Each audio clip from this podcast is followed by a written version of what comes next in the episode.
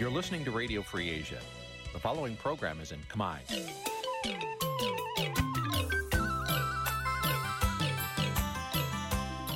នេះជាកម្មវិធីផ្សាយ Vuthu Azizi Serai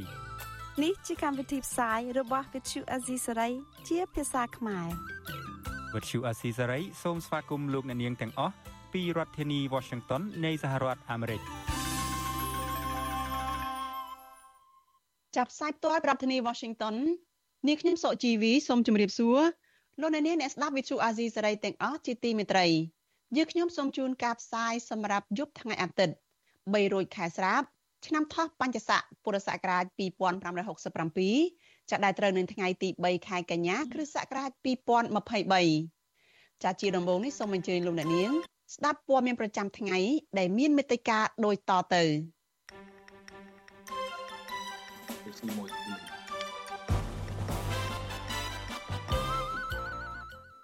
យុវជននិងមន្ត្រីអង្គការសង្គមស៊ីវិលថាលោកហ៊ុនម៉ាណែតមិនទាន់ស័ក្តិសមនឹងទទួលងារជាសម្ដេចទេក្រុមសឹកប្រឹក្សាបកភ្លើងទៀននៅឯខេត្តបៃលិនថាអាញាធរបកកណ្ដាលអំណាចមិនបានបែងចែកតួនាទីដល់ពួកគេមន្ត្រីអង្គការសង្គមស៊ីវិលបារម្ភពីសវត្ថិភាពពលករខ្មែរឆ្លងដែនខុសច្បាប់ទៅរកការងារធ្វើនៅប្រទេសថៃ អាជីវករលក់ដូរស្បៀងអាហារមួយចំនួនត្អូញត្អែពីការខាត់បងដោយសារតែទំនិញឡើងថ្លៃរួមនឹងព័ត៌មានសំខាន់សំខាន់មួយចំនួនទៀតចាជាបន្តទៅទៀតនេះនាងខ្ញុំសុជីវីសូមជូនព័ត៌មានទាំងនេះពិស្ដាចាលោកនាងកញ្ញាជាទីមេត្រីចាយុវជននិងមន្ត្រីអង្គការសង្គមស៊ីវិលមួយចំនួនរិះគន់លោកហ៊ុនម៉ាណែតថាទទួលបានងារជាសម្ដេចទាំងតែមិនទាន់បានកសាងស្នាដៃជាប្រយោជន៍សម្រាប់ជាតិខណៈដែលពលរដ្ឋខ្មែរនៅតែបន្តរងទុក្ខលំបាកវេទនាហើយវិបត្តិនយោបាយ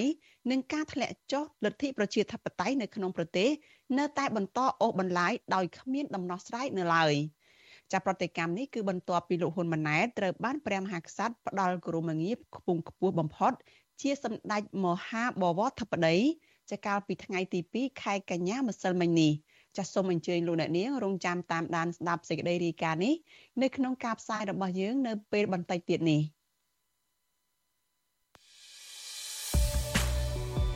កម្មវិធី Vithu Azizi ស្រីសម្រាប់ទូរស័ព្ទដៃអាចឲ្យលោកអ្នកនាង អានអត្ថបទទស្សនាវីដេអូនិងស្ដាប់ការផ្សាយផ្ទាល់ដោយឥតគិតថ្លៃនិងដោយគ្មានការរំខាន ដើម្បីអាននិងទស្សនាមេតិការថ្មីថ្មីពី Vithu Azisari លោកអ្នកនាងគ្រាន់តែចុចបាល់កម្មវិធីរបស់ Vithu Azisari ដែលបានដំឡើងរួចរាល់លើទូរស័ព្ទដៃរបស់លោកអ្នកនាងប្រសិនបើលោកអ្នកនាងចង់ស្ដាប់ការផ្សាយផ្ទាល់ឬការផ្សាយចាស់ចាស់សូមចុចលើប៊ូតុងរូប Vithu ដែលស្ថិតនៅផ្នែកខាងក្រោមនៃកម្មវិធីជាការស្រេច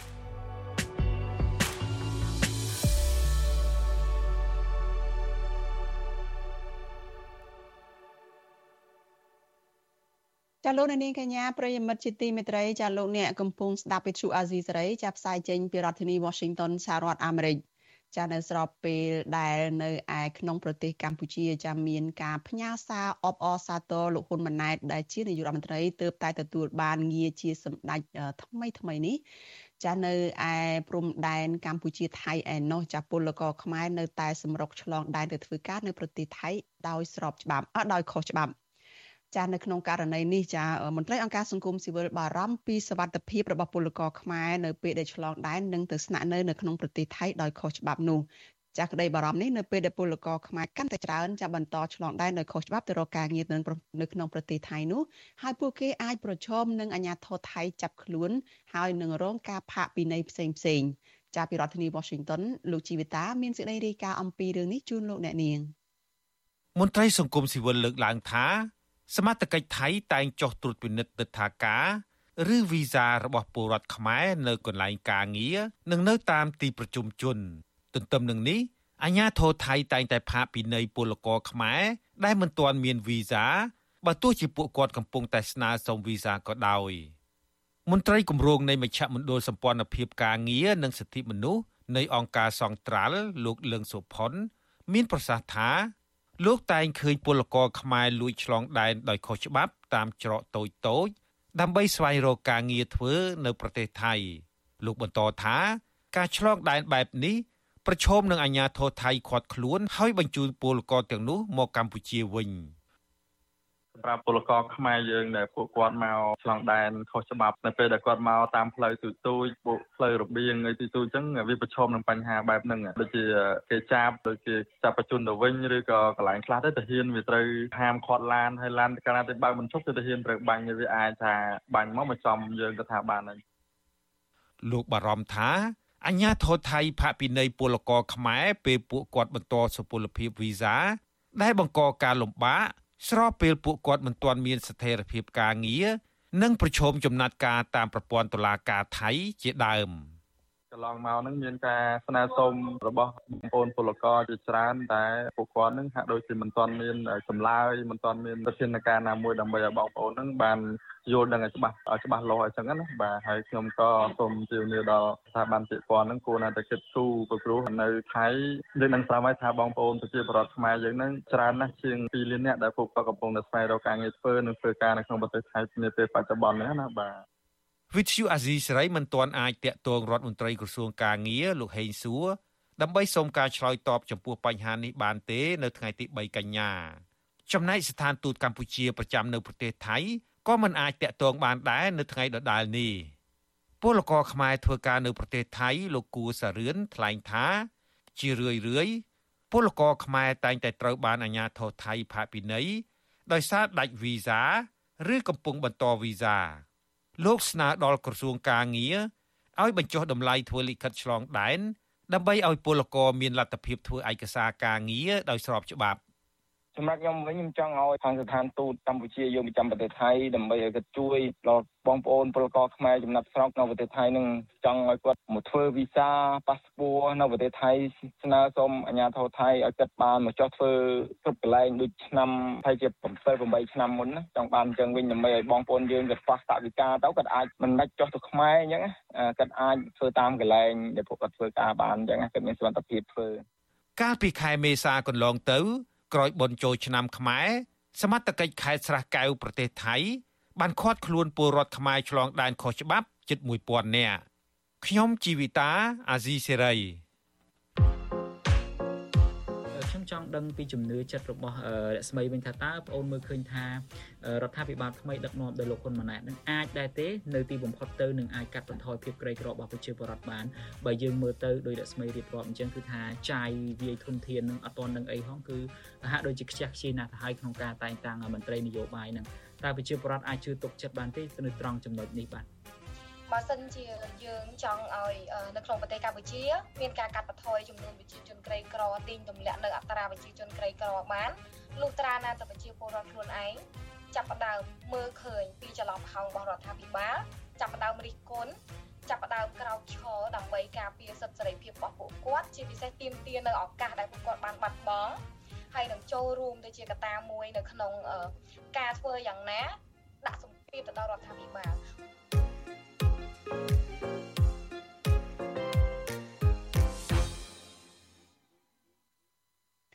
ចាលោកនាងកញ្ញាជាទីមេត្រីចាតកតនឹងកម្មវិធី podcast របស់វិទ្យុអាស៊ីសេរីចាកម្ពុជាសប្តាហ៍នេះចាកម្មវិធីនេះបានចាក់ផ្សាយរួចហើយចានៅព្រឹកថ្ងៃសៅរ៍ម្សិលមិញចាមកនៅកម្ពុជាហើយកម្មវិធីនេះនឹងចាក់ផ្សាយជូនលោកនាងឡើងវិញនៅ យប់ថ្ងៃច័ន្ទស្អែកនេះចាសូមអញ្ជើញលោកនាងចាកុំភ្លេចរងចាំតាមដាននៅកិច្ចពិភាក្សាកម្មវិធី podcast របស់វិទ្យុអាស៊ីសេរីចាកម្ពុជាសប្តាហ៍នេះដែលនឹងចាក់ផ្សាយឡើងវិញនោះកុំបីខានចាលោកនាងកញ្ញាប្រិយមិត្តជាទីមេត្រីចាយើងងាកទៅព័ត៌មានតកតងទៅនឹងមន្ត្រីគណៈបកភ្លើងទៀននៅឯមូលដ្ឋានដែលពួកគាត់ត្អូញត្អែថាពួកគាត់នៅមិនទទួលបានទួលនីតិឬក៏មុខងារទៅតាមអ្វីដែលពួកគាត់ត្រូវទទួលបាននោះនៅឡើយទេ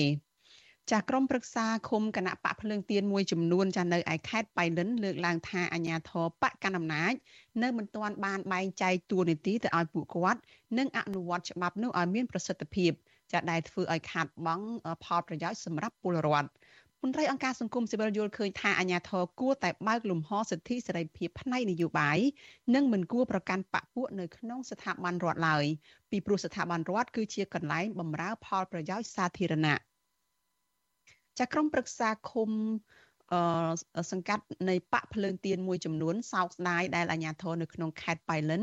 នៅតែមានការរើសអើងនយោបាយនិងប្រកាន់បកពួកចាចៅសង្កាត់រងទី2នៅឯសង្កាត់ស្ទឹងត្រង់ក្នុងខេត្តបៃលិន គឺលោកអុកសារីប្រាប់វិទ្យុអាស៊ីសេរីនៅថ្ងៃទី3ខែកញ្ញាថា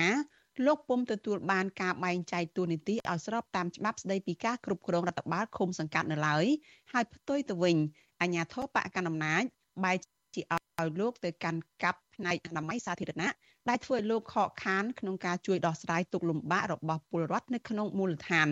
លោកបន្តថាអាជ្ញាធរខេត្តនេះតែងតែធ្វើទុកបុកម្នេញលើក្រុមប្រឹក្សាជាប់ឆ្នោតមកពីគណៈបកប្រឆាំងហើយហាមឃាត់ពលរដ្ឋនិងអាជ្ញាធរផ្សេងទៀតមិនឲ្យនិយាយជាមួយលោកថែមទៀតផង។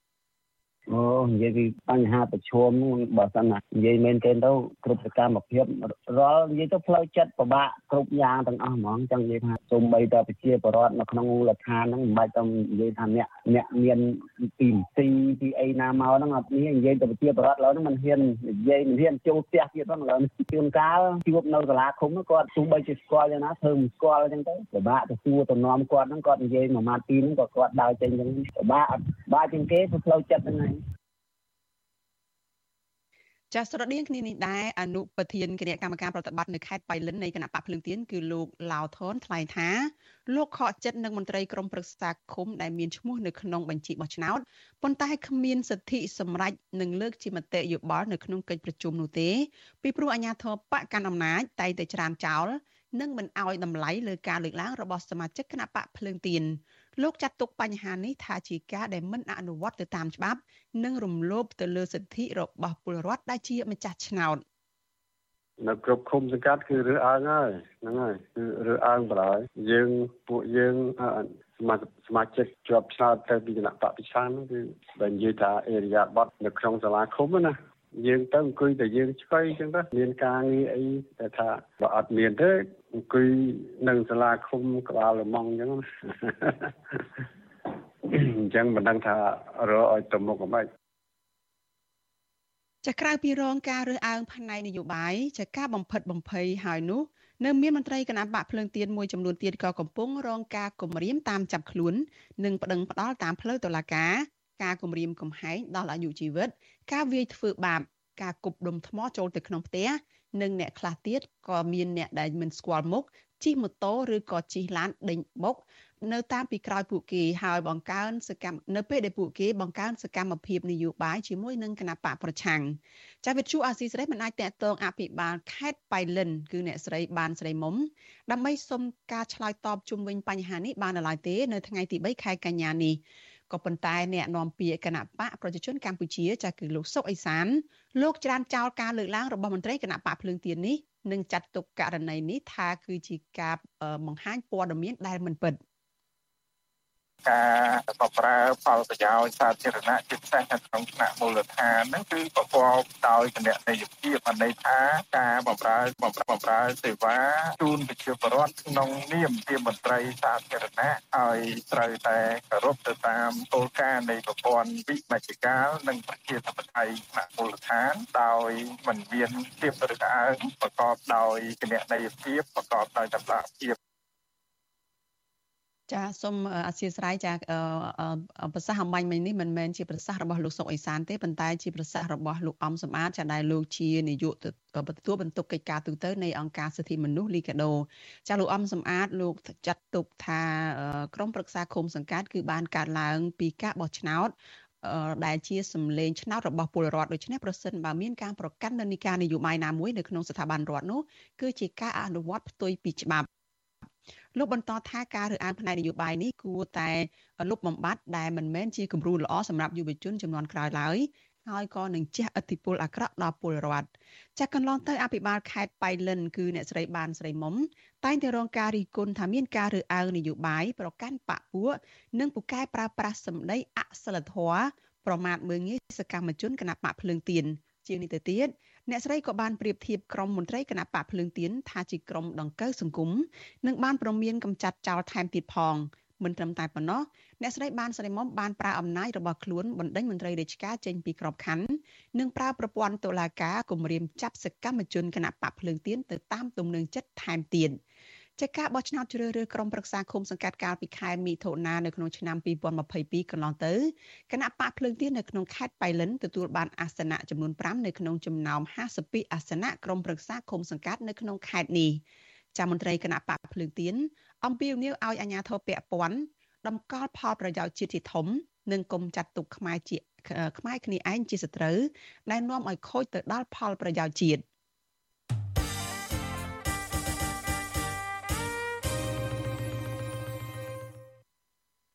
លោកនាងកញ្ញាប្រិយមិត្តជាទីមេត្រីចាព័ត៌មានជាបន្តទៅទៀតនេះចាគឺតកតងទៅនឹងការរិះគន់ដែលលោកហ៊ុនម៉ាណែតទទួលបានងារជាសម្ដេច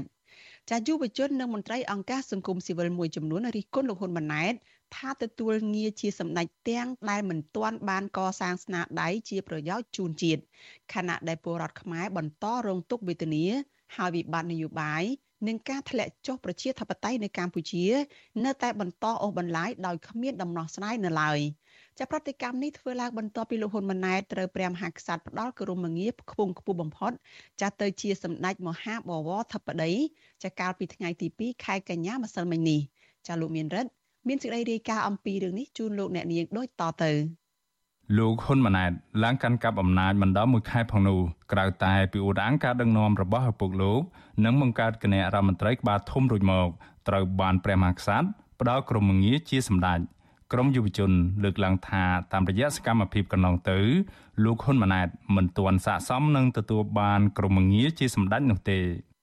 អ្នកសិក្សាផ្នែកច្បាប់និងជាអ្នកតាមដានបញ្ហាសង្គមលោកលីច័ន្ទរាវុធ លើកឡើងថាបើមើលពីទស្សនវិជ្ជានយោបាយការផ្ដល់ក្រុមងារជាសម្ដេចដល់លោកហ៊ុនម៉ាណែតឲ្យខ្ពស់ត្រដែតបែបនេះអាចផ្ដល់ឥទ្ធិពលកាន់តែងាយស្រួលដើម្បីឲ្យលោកហ៊ុនម៉ាណែតគ្រប់គ្រងមន្ត្រីក្រមអាវ៉ាត់ដទៃទៀត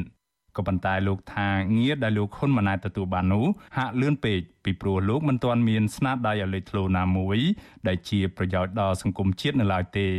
ខណៈអ្នកនយោបាយនិងសកម្មជនដីធ្លីកំពុងជាប់ឃុំនៅក្នុងគុក ហើយបញ្ហាប្រជាធិបតេយ្យនិងលំហសេរីភាពរបស់ពលរដ្ឋនៅតែយ៉ាប់យ៉ឺនដដែល គោលតែគិតតែពីប្រយោជន៍ផ្ទាល់ខ្លួនប្រយោជន៍គ្រួសារខ្លួនអញ្ចឹងទោះបីជាដាក់ក្រុមងារមកក្រុមងារហ្នឹងយកទៅប្រកែនៅក្នុងផ្លូវអាក្រក់ទៅវិញទេយកទៅគៀបសង្កត់ប្រជារាស្ត្រទៅវិញទេអញ្ចឹងឃើញកន្លងមកបុគ្គលច្រើនណាស់មានក្រុមងារជាអុកញ៉ាផងមានក្រុមងារជាសម្ដេចផងតែបុគ្គលទាំងអស់ហ្នឹងសុទ្ធតែពាក់ព័ន្ធនឹងវិបត្តិដីធ្លីសុទ្ធតែពាក់ព័ន្ធនឹងការបំផ្លិចបំផ្លាញធនធានធម្មជាតិដើម្បីធ្វើជាប្រយោជន៍ផ្ទាល់ខ្លួនដូចនេះដូច្នេះខ្ញុំយល់ថាក្រុមងារហ្នឹងវាមិនពាក់ព័ន្ធសិទ្ធិភាពការងារដរាបណា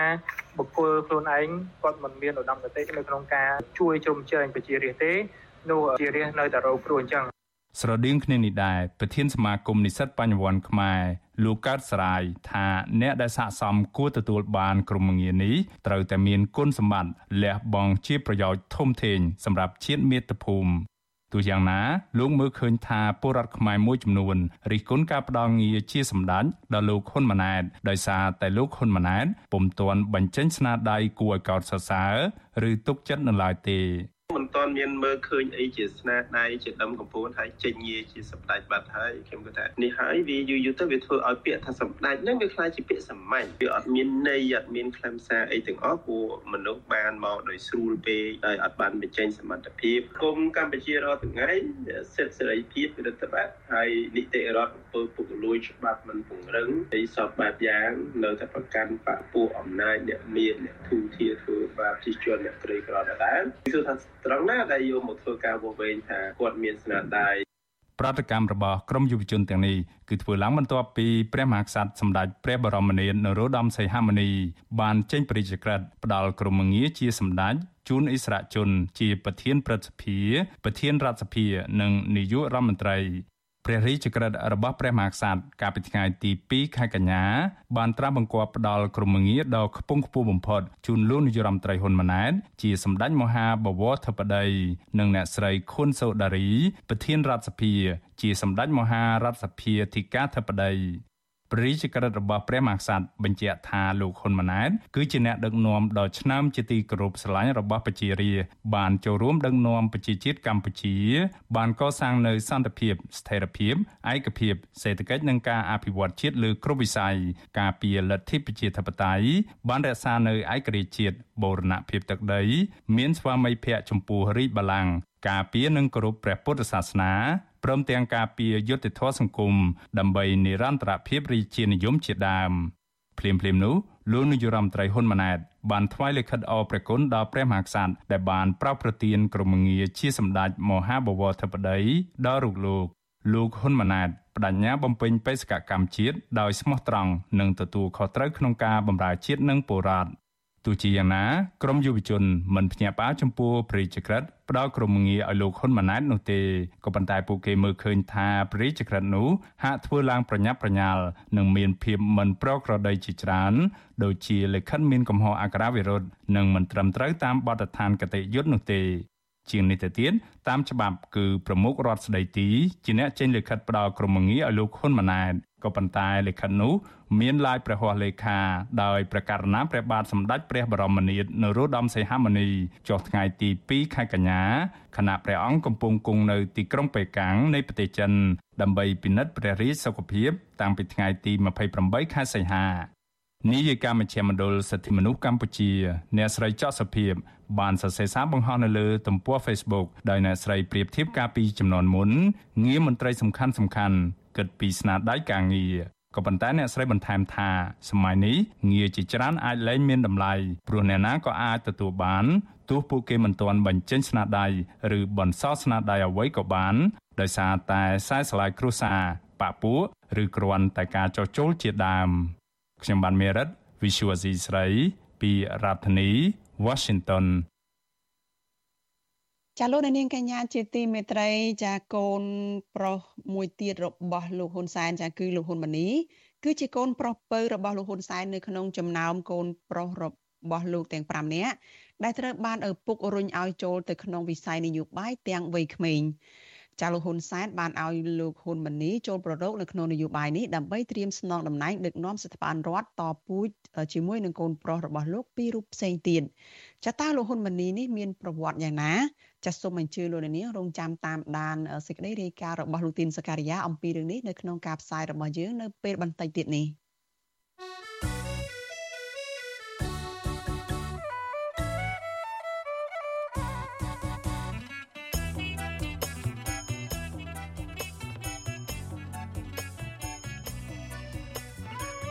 ចាលោកនាងកញ្ញាជាទីមេត្រីចាដំណើរគ្នានឹងស្ដាប់ការផ្សាយផ្ទាល់របស់ Vithu Azizi សេរីចានៅលើបណ្ដាញសង្គម Facebook YouTube និង Telegram ចាលោកនាងក៏អាចស្ដាប់ការផ្សាយរបស់យើងនៅលើ Vithu រលកធាតុអាកាសខ្លីចាដែលមានកម្រិតនិងកម្ពស់ដូចតទៅនេះចាប់ពេលព្រឹកចាប់ពីម៉ោង5កន្លះដល់ម៉ោង6កន្លះតាមរយៈ post SW ចា12.14 MHz ស្មើនឹងកម្ពស់ 25m post SW 13.71 MHz ស្មើនឹងកម្ពស់ 22m ចាប់ពេលយប់ចាប់ពីម៉ោង7កន្លះដល់ម៉ោង8កន្លះតាមរយៈ post SW 9.33 MHz ស្មើនឹងកម្ពស់ 32m ចាប់ post SW 11.88 MHz ស្មើនឹងកម្ពស់ 25m និង post SW 12.15 MHz ស្មើនឹងកម្ពស់ 25m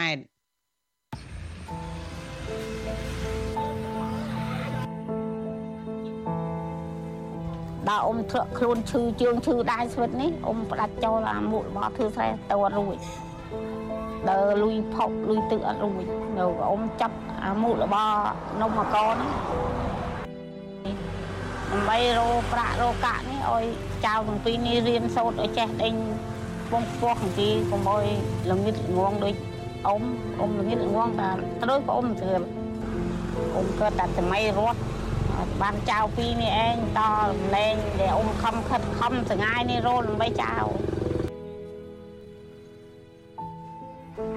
បើទៅឆ្ងាយទៅវាអ៊ំទៅអត់រួចទេអ៊ំស្ដេចណាចិត្តនំស្រោនំភូមិព្រោះនៅជាមួយបងប្អូនយើងនេះ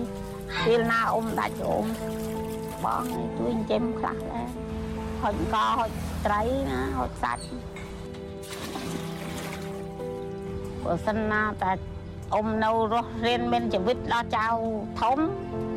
អ៊ំខំឲ្យតស៊ូរៀនដើម្បីធ្វើការធ្វើងារគេកុំឲ្យអត់ឃ្លានមានស៊ីដូចទេអ៊ំចិញ្ចឹមចៅនេះឲ្យបានខ្ពង់ខ្ពស់គេហ្នឹងអ៊ំអត់មានខំយុទ្ធនាទេ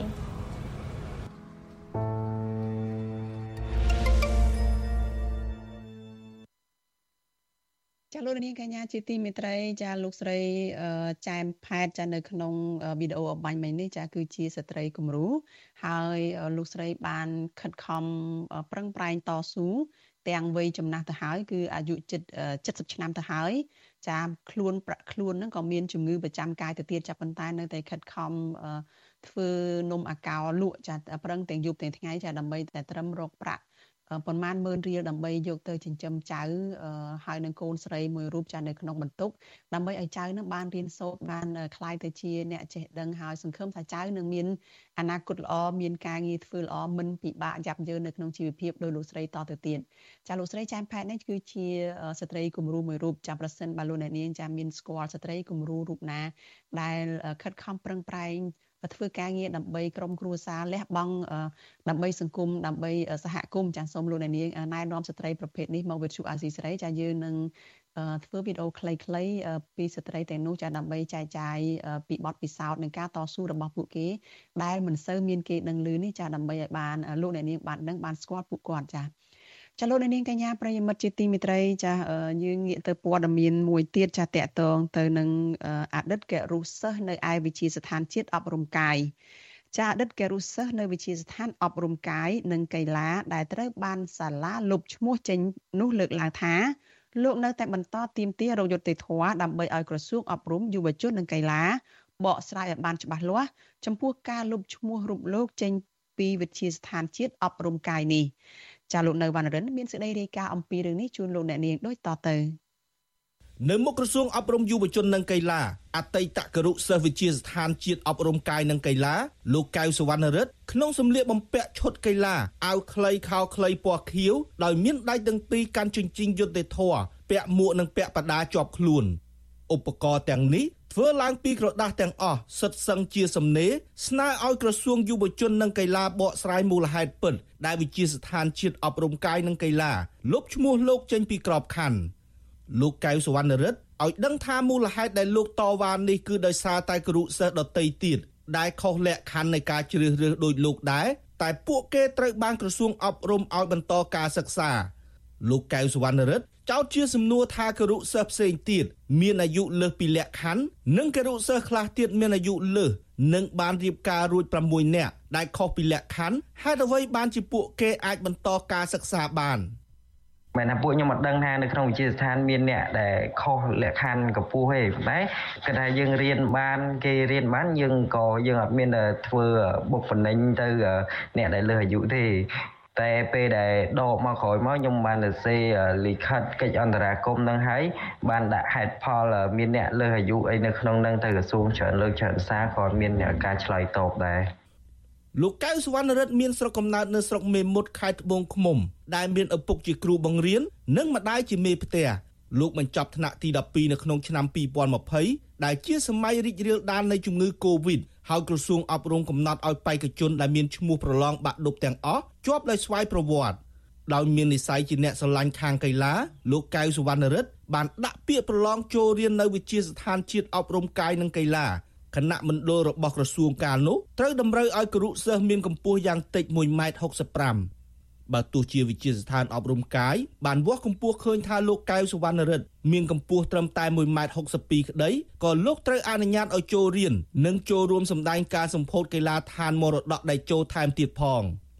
ទោះជាយ៉ាងនេះក្តីក្តីស្រមៃរបស់លោកកៅសវណ្ណរិទ្ធក្តីស្រមៃដែលចង់ក្លាយជាគ្រូកីឡានេះត្រូវបាត់បង់អស់ទៅវិញនៅក្រៅការចូលរៀនមួយខែបន្ទាប់ពីគ្រូគ្រប់គ្រងនៅវិទ្យាស្ថានជាតិអប់រំកាយនិងកីឡាសម្រេចចិត្តលុបឈ្មោះលោកនិងគរុសិស្ស11នាក់ផ្សេងទៀតកាលពីខែធ្នូឆ្នាំ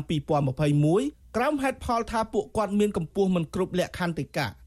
ទោះជាយ៉ាងនេះក្តីលោកកៅសវណ្ណរិទ្ធនៅតែមិនអាចទទួលយកការបកស្រាយពីមន្ត្រីក្រសួងអប់រំយុវជននិងកីឡានេះបានឡើយដោយសារតែខាងវិជាស្ថានជាតិអប់រំកាយនិងកីឡាបានវាស់កម្ពស់លោកឲ្យឃើញថាខ្វះជាក់ស្ដែងរួចហើយប៉ុន្តែនៅតែបន្តអនុញ្ញាតឲ្យពួកគាត់ចូលសិក្សានៅវិជាស្ថានទៀតបន្ទាប់ពីបាត់បង់ការសិក្សាទាំងខ្លួនគ្មានកំហុសនោះដោយខ្វះការទទួលខុសត្រូវពីអ្នកគ្រប់គ្រងធ្វើឲ្យលោកបាក់ទឹកចិត្តយ៉ាងខ្លាំង ថ្ងៃហ្នឹងគឺខ្ញុំយំក៏អត់ចេញអីក៏អត់ចេញពេលដែលខ្ញុំចេញពីវិទ្យាស្ថានភ្លាមខ្ញុំដើរលេងតាមមាត់ទន្លេខ្ញុំអត់មានអារម្មណ៍ថាទៅផ្ទះទៅអីទេហើយម៉ាក់ប៉ាខ្ញុំគាត់ទេមកខ្ញុំខ្ញុំក៏អត់លើកទូរស័ព្ទពួកគាត់ដែរហើយពួកគាត់ក៏មានក្តីបារម្ភខ្លាចខ្ញុំធ្វើអតិឃាតណាមួយអញ្ចឹងទៅ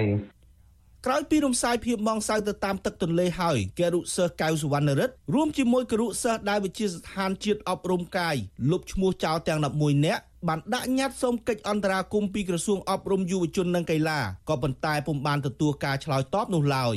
លុះក្រោយមកក្រុមអតីតគរុសិស្សទាំង12នាក់ នាំគ្នាធ្វើបាតុកម្មលើកបដាទៀមទីរោគដំណោះស្រាយនៅមុខក្រសួងក៏ប៉ុន្តែកោតកម្មអហិង្សាលើកទី1នេះត្រូវទទួលរងការស្វាគមន៍ដោយការគំរាមកំហែងនិងការចាប់ខ្លួនពីអាជ្ញាធរដែលជាហេតុធ្វើឲ្យពួកគេនាំគ្នាបោះបង់ការតវ៉ានេះកន្លងទៅអស់រយៈពេលជាងកន្លះឆ្នាំលោកកៅសវណ្ណរិទ្ធមិនបោះបង់ចោលហ្វឺតនិងក្រដាស់ឡើយ ហើយលោកនៅតែម្នាក់ឯងប៉ុណ្ណោះដែលបន្តទៀមទាយុទ្ធធរនៅមុខក្រសួងអប់រំជារៀងរាល់ថ្ងៃច័ន្ទចាប់តាំងពីដើមខែសីហារហូតមកទោះជាយ៉ាងនេះក្តីការតវ៉ាលើកនេះមិនបានផ្ដល់យុត្តិធម៌សម្រាប់លោកនោះទេក៏ប៉ុន្តែលោកបែរជារងនៅភាពអយុត្តិធម៌ថែមទៀតដោយការប្រើអំពើហិង្សាពីសំណាក់អាជ្ញាធរការឈរតវ៉ាទាំង3លើកនេះ ពេលខ្លះលោកកៅសវណ្ណរិទ្ធរួមទាំងអ្នកជួយកាន់កាមេរ៉ាថតរូបឲ្យលោកផងនោះគឺបងប្រុសរបស់លោកលោកកៅសវណ្ណតារានិងមិត្តភ័ក្តិរបស់លោកម្នាក់ទៀតគឺលោកលៀបប្រាថ្នាត្រូវបានអាជ្ញាធរចាប់ញាត់ចូលទៅក្នុងរថយន្តស៊ីរ៉ែនរហូតរបូតអាវនិងស្បែកជើងនិងរឹតតែធ្ងន់ធ្ងរជាងនេះទៀតគឺពួកគេត្រូវបានសមត្ថកិច្ចទាត់ធាក់យកដៃលោកឆ្កឹះឆ្អឹងជំនីចំណែកឯមិត្តភ័ក្តិរបស់លោកត្រូវបានសមត្ថកិច្ចវាយមួយដៃចំលលាក្បាលខាងក្រោយបណ្ដាលឲ្យដួលសម្លាប់ភ្លាមភ្លាម។ ទោះបីជារងទទួលការវាយដំនិងគំរាមកំហែងយ៉ាងណាក្តីក៏មិត្តភ័ក្តិរបស់លោកកៅសវណ្ណរិទ្ធគឺលោកលៀបប្រាថ្នាអះអាងថាលោកនឹងមិនបោះបង់ចោលមិត្តសម្លាញ់របស់ខ្លួនឡើយនិស្សិតច្បាប់រូបនេះលើកឡើងថាកត្តាដែលលោកជួយដល់លោកកៅសវណ្ណរិទ្ធក្នុងការតវ៉ានេះគឺមិនមែនដើម្បីយុត្តិធម៌សម្រាប់មិត្តភ័ក្តិរបស់លោកតែម្នាក់នោះទេក៏ប៉ុន្តែ គឺដើម្បីយុត្តិធម៌នៅក្នុងសង្គមជាតិទាំងមូល។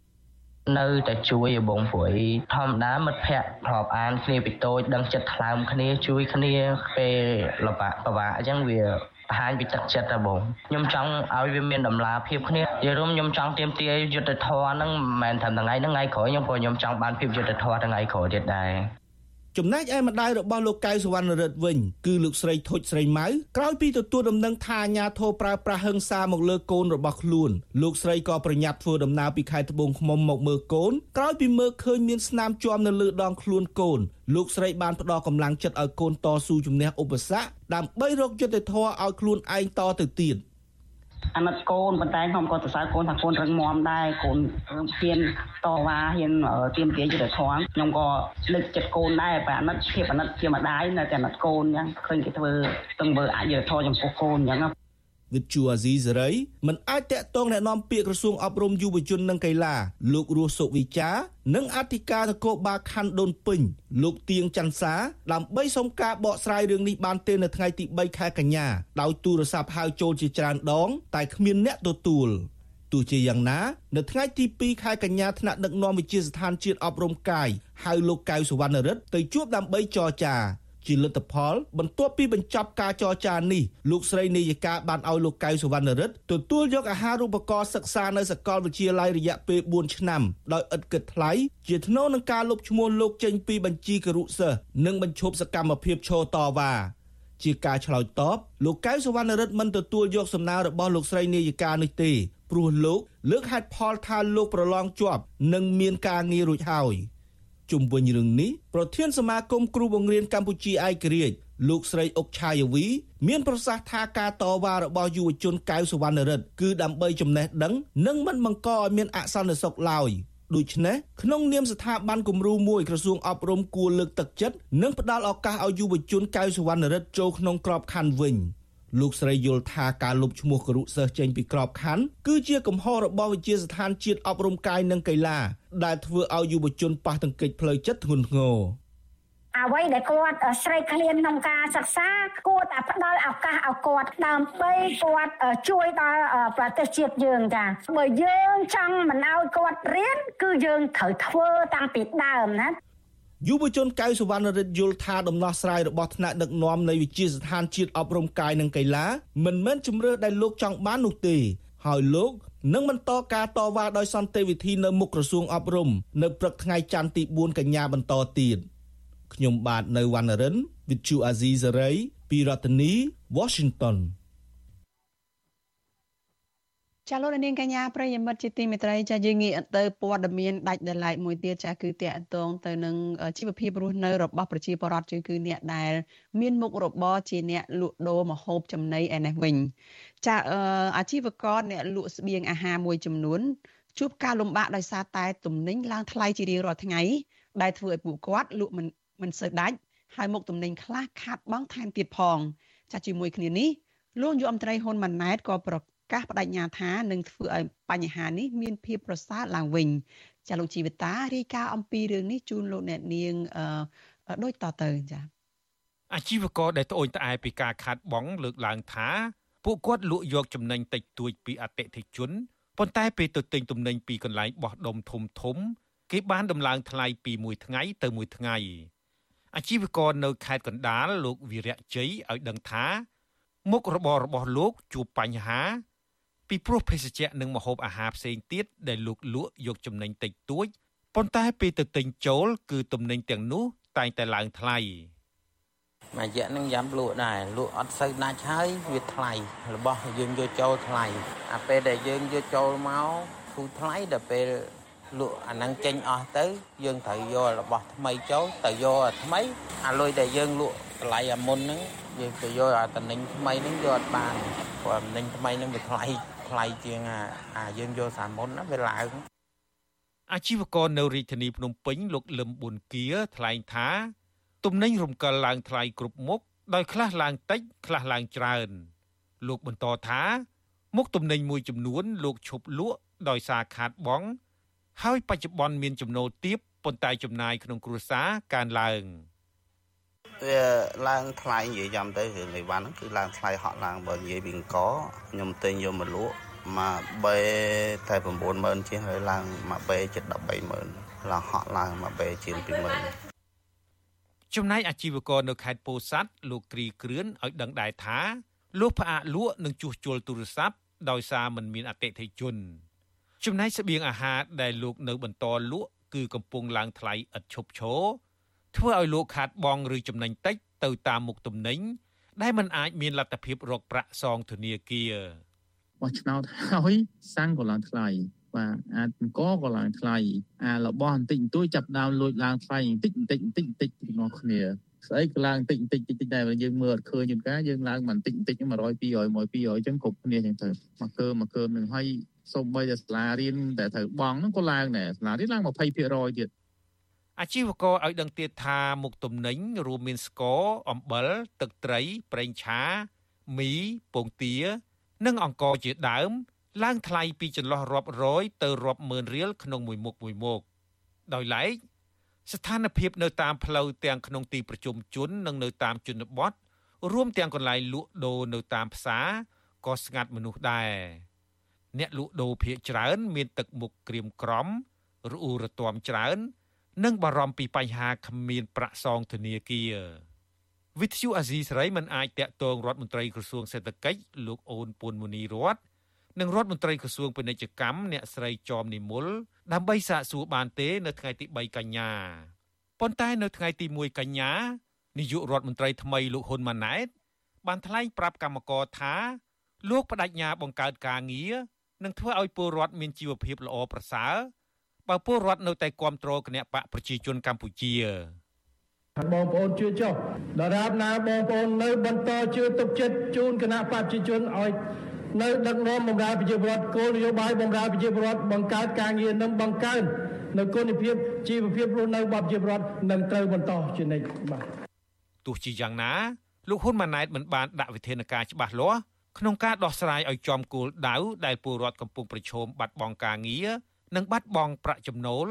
មិនមានលុយសងបំណុលនោះទេរីឯប្រធានមជ្ឈមណ្ឌលប្រជាពលរដ្ឋដើម្បីអភិវឌ្ឍនិងសន្តិភាពលោកយងកំឯងក៏សម្គាល់ឃើញថា ប្រជាពលរដ្ឋដាក់ផ្ទះនិងដីលក់ច្រើន ដើម្បីសងបំណុល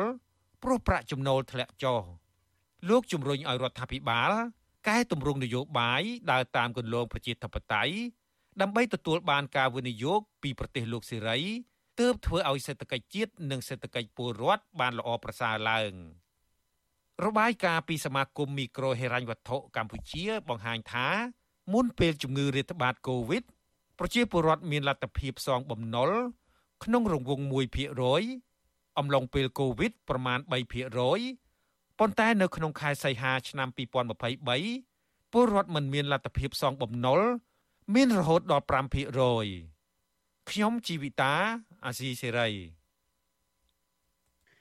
ចាលោកនាងកញ្ញាជាទីមេត្រីលោកអ្នកកំពុងស្ដាប់វិទ្យុអាស៊ីសេរីចាដែលផ្សាយចេញពីរដ្ឋធានី Washington សហរដ្ឋអាមេរិក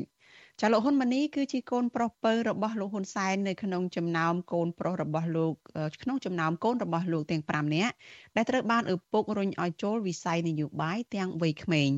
ចាលោកហ៊ុនសែនបានឲ្យកូនគឺលោកហ៊ុនម៉ាណីចូលប្រឡូកនៅក្នុងនយោបាយនេះដើម្បីត្រៀមស្នងតំណែងដឹកនាំស្ថាប័នរដ្ឋតពូជាមួយនឹងកូនប្រុសរបស់លោកពីររូបផ្សេងទៀតចាតើលោកហ៊ុនម៉ាណីមានប្រវត្តិបែបណាខ្លះ ចាសសូមអញ្ជើញលោកនាងចាទស្សនាសេចក្តីរាយការណ៍របស់លោកទីនសការីយ៉ាអំពីរឿងនេះដូចតទៅ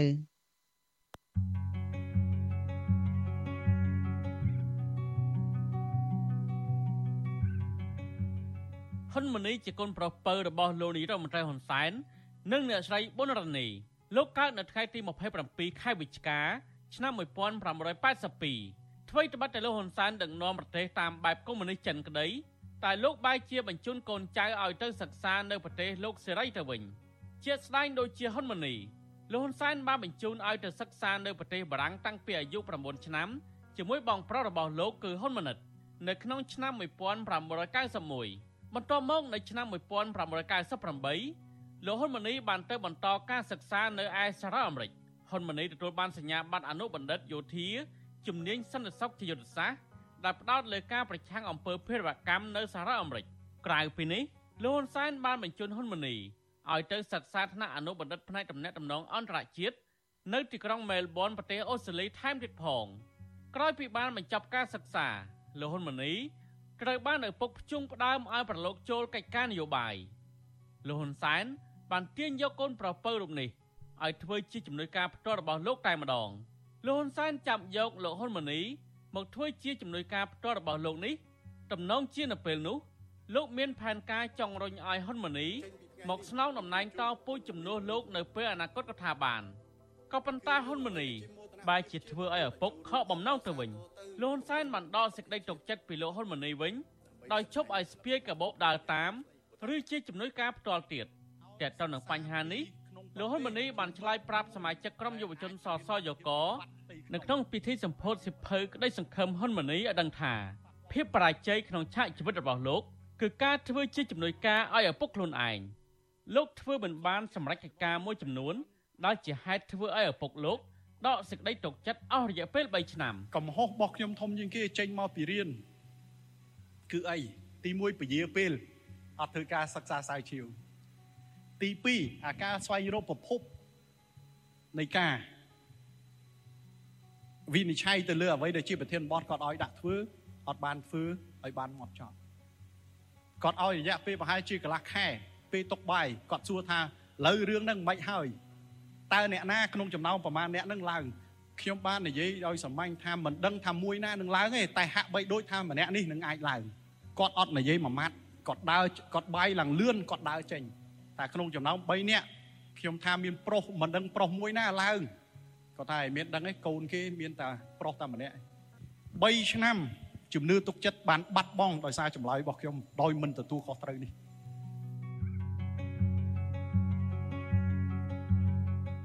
ទោះបីជាលោកហ៊ុនសែនដកសេចក្តីទុកចិត្តពីកូនប្រុសពៅរបស់ខ្លួនបែបនេះក្តីលោកហ៊ុនសែនក៏មិនបោះបង់ហ៊ុនម៉ាណីចោលនោះឡើយផ្ទុយទៅវិញមេដឹកនាំក្រាញអំណាច74ទសវត្សរ៍រំនេះបានរៀបចំឲ្យហ៊ុនម៉ាណី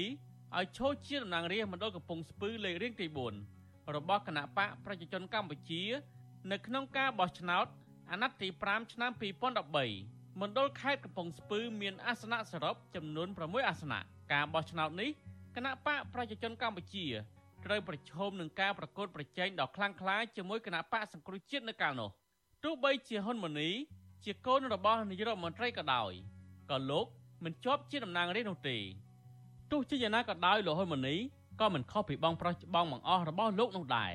ទោះបីជាបរដ្ឋមិនបោះឆ្នោតឲ្យលោកធ្វើជាតំណាងរាស្ត្រក៏ដោយក៏ក្រោយការបោះឆ្នោតឪពុករបស់លោកបានចាត់ចែងឲ្យមានការរុះរើដោះដូរបេក្ខជនជាប់ឆ្នោតคล้ายជាតំណាងរាស្ត្របានសម្រេចដែរ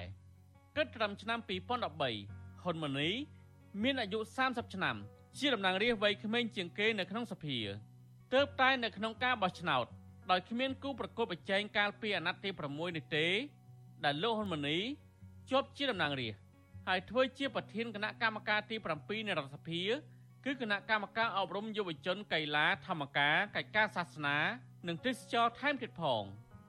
លោកហ៊ុនសែនឲ្យកូនប្រុសពៅដឹកនាំគណៈកម្មការអប់រំនិងយុវជននេះមិនមែនជារឿងចៃដន្យនោះឡើយតាមមើលទៅលោកហ៊ុនសែនមានផែនការច្បាស់លាស់ដើម្បីឲ្យហ៊ុនម៉ាណីក្តាប់ក្តាប់យុវជន និងពង្វក់យុវជន ឲ្យជឿលើការដឹកនាំរបស់គណៈបកកណ្ដាលអំណាចមកដីការជួបរួមការលះបង់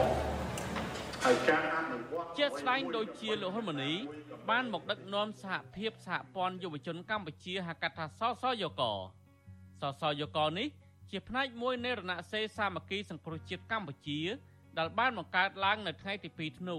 ឆ្នាំ1978 ដឹកនាំដោយលោកជាស៊ីមហេងសំរិននិងលោកហ៊ុនសែនសមាគមយុវជនសាមគ្គីសង្គ្រោះជាតិកម្ពុជា និងសមាគមយុវជនកម្ពុជា បានដូរឈ្មោះមកជាសហភាពសហព័ន្ធយុវជនកម្ពុជាហៅកាត់ថាសសយក កាលពីខែវិច្ឆិកាឆ្នាំ2012ដែលលោកហ៊ុនម៉ាណីធ្វើជាប្រធានគិតចាប់តាំងពីឆ្នាំ2012មកសសយកនេះបានពង្រីកបណ្ដាញនៅគ្រប់ទិសទីទាំងនៅក្នុងជួរគណៈបក នៅសាលារៀនសាកលវិទ្យាល័យរដ្ឋឯកជន និងនៅតាមស្ថាប័នក្រសួងរបស់ជាតិជាដើមមន្ត្រីរាជការណាមិនចូលជាសមាជិកសសយកនោះអាចគេចាត់ទុកថាជាក្រុមប្រឆាំងឬគេមិនអោយទូនាទីបនស័កអ្វីនោះឡើយលើសពីនេះរាល់សមាជិកត្រូវបង់លុយចូលសសយកថែមទៀតផងយុវជនទាំងអស់ដែលជាសមាជិកសសយកនេះត្រូវពាក់អាវពណ៌ផ្ទៃមេឃដោយមានស្លាកសញ្ញាសសយកយុវជនដែលពាក់អាវនេះ ហាក់បីដូចជារំភើបនិងមានអំណាចសម្ដែងរឹកពីខុសពីធម្មតាលោកហ៊ុនម៉ាណីបានពង្វក់យុវជនមួយចំនួន តាមរយៈការផ្ដាល់ទូនាទីលៀបសក្ការៈដើម្បីអន្តងចិត្តឲ្យគេព្រមជឿតាមយ៉ាងងប់ងល់លើគណៈបកប្រជាជនកម្ពុជាមិនខុសពីកម្មាភិបាលខ្មែរក្រហមស្លៀកពាក់ឈុតពណ៌ខ្មៅហើយស្មោះស្ម័គ្រនឹងអង្គការនោះឡើយស្នាដៃធំធំរបស់ហ៊ុនម៉ាណីដឹកនាំសសយកគឺឲ្យយុវជនជួយគ្រប់គ្រងគណៈបកកណ្ដាលអំណាច ក្រោមការដឹកនាំរបស់ឪពុករបស់លោកនោះ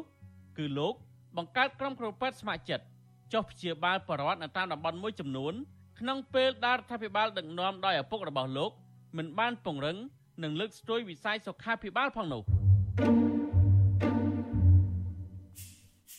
រីឯក្រុមគ្រួសារសាច់ញាតិបងប្អូនរបស់ត្រកូលហ៊ុនវិញ ពេលឈឺស្កាត់ម្ដងម្ដង ពួកគេបាននាំគ្នាទៅព្យាបាលនៅមន្ទីរពេទ្យនៅក្រៅប្រទេសស្ងាត់ស្ងាត់ ដូចជានៅសង្ហបុរីនិងនៅមន្ទីរពេទ្យនៃបណ្ដាប្រទេសរីកចម្រើនជឿនលឿនមួយចំនួនទៀតក្នុងពិភពលោកលោកហ៊ុនម៉ាណីបានបន្លំភ្នែកមហាជនមួយទៀតគឺបង្កើតព្រឹត្តិការណ៍អង្គរសង្ក្រាននៅខេត្តសៀមរាបនៅក្នុងពិធីចូលឆ្នាំថ្មីប្រពៃណីជាតិដែលមានអ្នកចូលរួមយ៉ាងច្រើនកុះករនារយៈពេលប្រមាណឆ្នាំចុងក្រោយនេះការគៀងគរយុវជនរៀបចំកម្មវិធីអង្គរសង្ក្រានដែលលោកហ៊ុនសែនចាត់ទុកថាជាប្រវត្តិសាស្ត្រនេះ សសយកបានធ្វើនំអន្សមយៈធំជាងគេលើពិភពលោក ធ្វើទូកវែងជាងគេក្នុងលោកត្បាញក្រមាវែងជាងគេក្នុងលោក និងលបួងលួងលោមឲ្យស្ថាប័នរដ្ឋនិងឯកជននានាទូទាំងប្រទេសចូលរួមបត់ក្រដាសពណ៌រូបបេះដូងចំនួន1លានសន្លឹកជាដើមដើម្បីគ្រាន់តែចង់បានឈ្មោះក្នុងសិភៅបញ្ជីកំណត់ត្រាពិភពលោកដែលគេដឹងច្បាស់ថាកំណត់ត្រានោះនឹងគ្មានផលប្រយោជន៍អ្វីជាដំកំភួនសម្រាប់ការកសាងជាតិក៏ដោយ។ នេះជាការចំណាយលុយដ៏ច្រើនសន្ធឹកសន្ធាប់នៅស្របពេលប្រជាពលរដ្ឋរាប់លាននាក់ស្ទើរតែរកអង្គច្រកឆ្នាំងបានផងនោះទោះបីជាហ៊ុនម៉ាណីបានសិក្សានៅក្រៅប្រទេសនិងបានដឹកនាំយុវជនរាប់ម៉ឺនសែននាក់បែបនេះក្តីក៏ប៉ុន្តែបើពិនិត្យមើលឲ្យស៊ីជម្រៅទៅលោកហ៊ុនម៉ាណីមិនទាន់ស័ក្តិសមជាមេដឹកនាំគំរូឬយុវជនគំរូសម្រាប់យុវជនកម្ពុជានៅឡើយទេមានហេតុផលមួយចំនួនដែលបង្ហាញថាលោកហ៊ុនម៉ាណីមិនមែនជាយុវជនគំរូនោះទេ បញ្ហានេះបញ្ជាក់ឲ្យឃើញកាន់តែច្បាស់នោះគឺនៅពេលដែលមានជនអនាមិកឬ hacker បានចូលគ្រប់គ្រងគណនី Facebook របស់លោក កាលពីថ្ងៃទី14កុម្ភៈឆ្នាំ2018ដោយបានបង្ហាញពីសារឆ្លងឆ្លើយគ្នារបស់លោកហ៊ុនម៉ាណីជាមួយតារាតារាមួយចំនួនពាក់ព័ន្ធនឹងការជួញដូរផ្លូវភេទនិងការរួមភេទហិង្សាក្នុងនោះគឺមានតារាឈ្មោះដួងសូរីដាដើរតួជាម៉ែយ៉ែមឬជាអ្នកស្វែងរកស្ត្រីក្មេងៗស្អាតស្អាតសម្រាប់លោកហ៊ុនម៉ាណីកំដរផ្លូវភេទ បន្ថែមពីនេះ Hacker ក៏បានលើកឡើងពីតារាស្ត្រីម្នាក់ទៀតឈ្មោះអាយីងដែលបានអាដៃសម្រក់ឈាម ដើម្បីសម្លាប់ខ្លួន និងបានរៀបរាប់ពីការឈឺចាប់ក្រោយពេលលោកហ៊ុនម៉ាណីបានបោះបង់រូបនាងចោល នៅពេលដឹងថា នាងមានផ្ទៃពោះជាមួយហ៊ុនម៉ាណីនោះថាជាតិនេះជាតិខយយើងតាមចង់កម្មណែហូតចង់កម្មចង់កម្មឲ្យណែសងកម្មជាមួយវិញអស់ តែសម្រាប់ខ្ញុំខ្ញុំអាចចាំកុំឲ្យជួបមើលយើងទៀតផ្អែមបានតែមាត់គ្មានការណាចិត្តរសាចិត្តខ្មៅយ៉ាងណាក៏ដូចយ៉ាងណាដែរគ្មានការស្មោះត្រង់ជាមួយនឹងម៉ែចឹងកុំយកទេកុំយកឲ្យបងទៅធ្វើភារកិច្ចធ្វើជាពុកម្ដាយធ្វើជាប្តីដ៏ល្អធ្វើ ជាតំណាងរីដ៏ល្អខ្ញុំជូនតបនៅក្នុងសារបែកធ្លាយដដែលនេះមិនមែនមានតែស្ត្រីវ័យក្មេងឈ្មោះអាយិញតែម្នាក់នេះទេដែលហ៊ុនម៉ាណីបំផ្លាញអនាគតចោលនោះនៅមានស្ត្រីវ័យក្មេងនិងស្អាតស្អាតជាច្រើនទៀតដែលលហ៊ុនម៉ាណីមានជំនាញមួយទៀតយកទៅកំដរផ្លូវភេទនិងខំខ្ញៅក៏គេស្នាមចំពេញខ្លួនប្រានដែលគេចាត់ទុកថា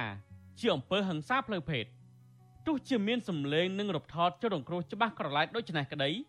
ក៏គ្មានអាជ្ញាធរមានសមត្ថកិច្ចណាស៊ើបអង្កេតឬចាត់ការលហ៊ុនម៉ាណីពីរឿងជួញដូរនិងទរណកម្មផ្លូវភេទនេះតាមផ្លូវច្បាប់នៅឡើយទេមកទល់ពេលនេះអ្វីដែលគួរឲ្យកត់សម្គាល់ទៀតនោះគឺលោកហ៊ុនសែនធ្លាប់ប្រមានកាលពីថ្ងៃទី21កុម្ភៈឆ្នាំ2018ថាត្រកូលហ៊ុនណាដែលជាប់ពាក់ព័ន្ធនឹងបទអក្រិតគឺត្រូវតែទទួលទោសដូចគ្នាទាំងអស់អ្នកដតីមានតកូលហ៊ុនដែរតកូលហ៊ុនវាមានល្អវាមានអាក្រក់ក៏ប៉ុន្តែ សម្រាប់អ្នកដែលអាក្រក់អ្នកណាធ្វើខុសយកវាទៅដាក់យកទៅអនុវត្តតាមច្បាប់ទៅអ្នកណាប្រើឈ្មោះតកូលហ៊ុនទៅបំពេញច្បាប់គឺត្រូវអនុវត្តច្បាប់ដូចគ្នាគ្មានការលើកលែងច្បាប់គ្មានការលើកលែងសម្រាប់តកូលណាទាំងអស់នេះគ្រាន់តែជាការលើកឡើងរបស់លោកហ៊ុនសែនឲ្យតែល្អមើលតែប៉ុណ្ណោះក៏ប៉ុន្តែជាក់ស្ដែង ដូចជាកូនប្រុសពៅរបស់លោកគឺលោកហ៊ុនម៉ាណីមកទល់ពេលនេះនៅក្រៅសំណាញ់ច្បាប់នៅឡើយលោកហ៊ុនម៉ាណីបានរៀបការជាមួយកូនស្រីលោកអបអនាយករដ្ឋមន្ត្រីយឹមឆៃលីឈ្មោះយឹមឆៃលីនចំណងអាពាហ៍ពិពាហ៍នេះអ្នកទាំងពីរមានកូន3នាក់ប្រុស2នាក់ស្រី1នាក់ប្រហែលជាដោយសារភាពផិតក្បត់ និងអំពើហិង្សាផ្លូវភេទរបស់លោកហ៊ុនម៉ាណីនេះហើយទើបបានជាភរិយារបស់លោកមិនសូវឃើញបង្ហាញមុខជាមួយលោកជាសាធារណៈនោះទេ តែនាងតែងតែចេញទៅស្វែងរកការសបាយរួចបានបង្ហាញពីជីវិតហឺហាហាយសូនៅក្រៅប្រទេសជាមួយគូកនរបស់នាងទៅវិញនាងគឺជាស្ត្រីខ្មែរទី1ដែលបានទៅចូលរួមក្នុងកម្មវិធីបង្ហាញម៉ូដកាបូបម៉ាកល្បីលំដាប់ពិភពលោកគឺយីហោ Hermes កាលពីឆ្នាំ2022នៅទីក្រុងប៉ារីសប្រទេសបារាំងហើយនាងថែមទាំងមានអង្គរៈបើកឡានជូនដើម្បីសម្ញាញ់រឹកមិនខុសពីព្រះមហាក្សត្រីឡើយ ក្រៅពីការទៅចូលរួមកម្មវិធីបង្ហាញម៉ូដកាបូបយីហោល្បីនោះហើយនាងក៏ជាអតិថិជនដ៏សំខាន់របស់ក្រុមហ៊ុនកាបូបយីហោ Hermes នេះថែមទៀតផង នាងបានប្រើកាបូបម៉ាក Hermes នេះជាច្រើនប្រភេទដែលកាបូបម៉ាកនេះ មានតម្លៃថោកបំផុត គឺមួយពី100000ដុល្លារទៅ1លានដុល្លារថ្មីត្បិតតែលោកហ៊ុនម៉ាណីទៅតែប្រឡូកនៅក្នុងវិស័យនយោបាយនិងមានទួនាទីជាតំណាងរាស្ត្រក៏ដោយតែលោកនិងភរិយារបស់លោក មានទ្រព្យសម្បត្តិមិនចាញ់អុកញ៉ាដែលមានទ្រព្យសម្បត្តិមហាសាលនៅកម្ពុជានោះឡើយភរិយាលោកហ៊ុនម៉ាណីមានក្រុមហ៊ុនកាន់កាប់ចំនួន6រួមទាំងក្រុមហ៊ុនរុករករ៉ែនិងមានភាគហ៊ុន20%ជាមួយក្រុមហ៊ុនលក់ឱសថថែមទៀតផងនេះបញ្យងតាមរបាយការណ៍របស់អង្គការ Global Witness ការក្តោបក្តាប់ចំនួននៅកម្ពុជារបស់ខ្សែស្រឡាយលោកនាយករដ្ឋមន្ត្រីហ៊ុនសែននៅទន្ទឹមនឹងភរិយាលោកហ៊ុនម៉ាណីបង្ហាញកាបូបនិងសម្លៀកបំពាក់ថ្លៃៗ នៅលើឆាកអន្តរជាតិនោះរីឯហ៊ុនម៉ាណីអានេះវិញក៏កំពុងតែរីកមុខមាត់នៅលើសង្វៀននយោបាយកម្ពុជាដែរលោកហ៊ុនម៉ាណីបានជាប់ជាតំណាងរាស្ត្រនៅក្នុងការបោះឆ្នោតមួយដល់ផាត់ចេញគណៈបកប្រឆាំងបញ្ហានេះហើយដែលលោកលែងមានឧបសគ្គដោយកាលពីឆ្នាំ2013ទៀតគ្រាគណៈបកប្រជាជនកម្ពុជា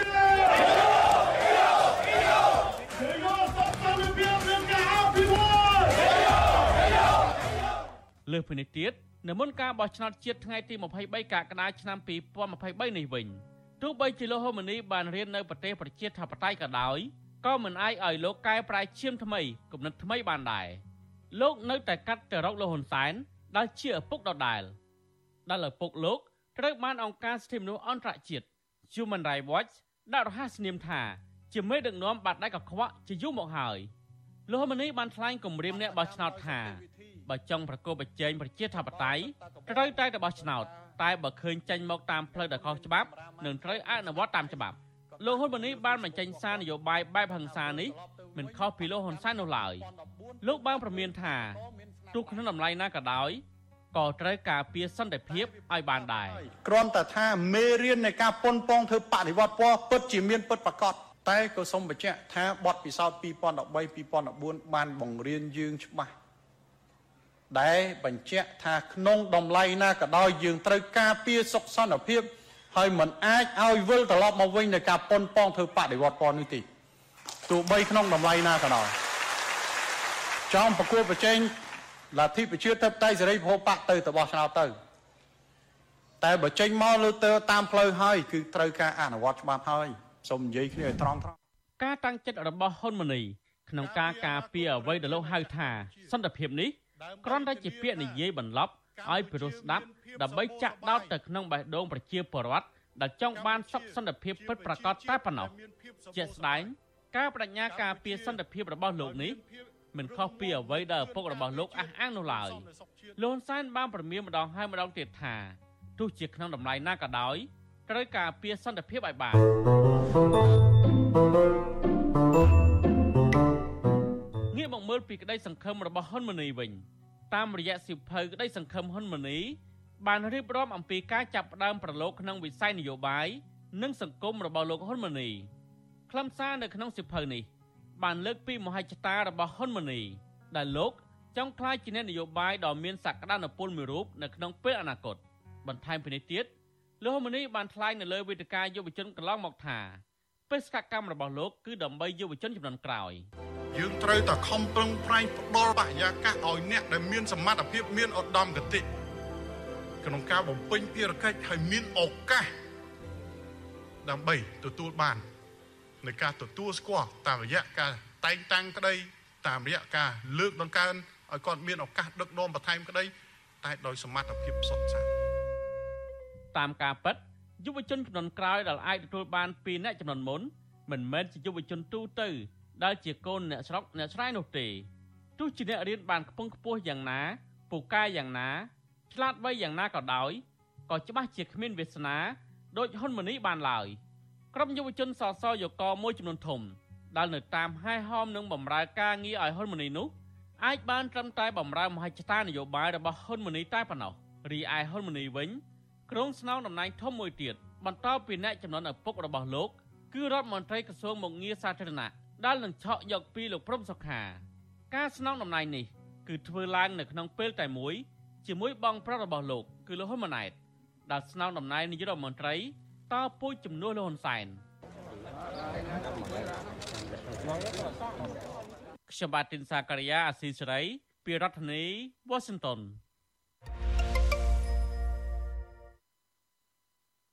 ចាលោកនាងកញ្ញាប្រិយមិត្តជាទីមេត្រីចាតកតនឹងប្រវត្តិរបស់បុគ្គលសំខាន់សំខាន់នៅក្នុងជួររដ្ឋាភិបាល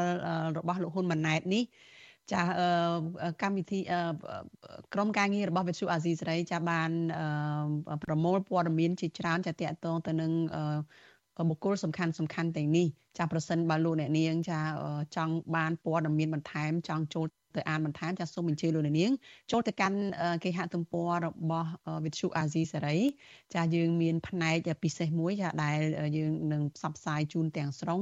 នៅរាល់អត្ថបទចាតកតងទៅនឹងបុគ្គលពិសេសពិសេសចាជាបុគ្គលសំខាន់សំខាន់នៅក្នុងជួរថ្នាក់ដឹកនាំនៃរដ្ឋាភិបាលរបស់ហ៊ុនម៉ាណែតចាសូមអញ្ជើញលោកអ្នកនាងចាចូលទៅស្វែងរកព័ត៌មាននេះបន្ថែមប្រសិនបើលោកអ្នកនាងចង់បានព័ត៌មានបន្ថែមទៀតនោះ ចាលោកនាងកញ្ញាប្រិយមិត្តជាទីមេត្រីចាការផ្សាយរយៈពេល1ម៉ោងរបស់វិទ្យុអាស៊ីសេរីនៅយប់នេះចាប់ត្រឹមតែប៉ុណ្ណេះចានេះខ្ញុំសុកជីវីព្រមទាំងក្រុមការងារទាំងអស់នៃវិទ្យុអាស៊ីសេរីចាសូមអរគុណដល់លោកអ្នកនាងចាដែលតែងតែតាមដានការផ្សាយរបស់យើងហើយថែមទាំងបានចែករំលែកការផ្សាយរបស់យើងនេះទៅកាន់មិត្តភ័ក្តិរបស់លោកអ្នកនាងថែមទៀតនោះ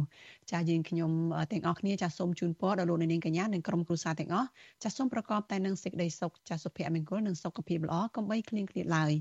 ចានេះខ្ញុំសូមអរគុណនិងសូមជម្រាបលា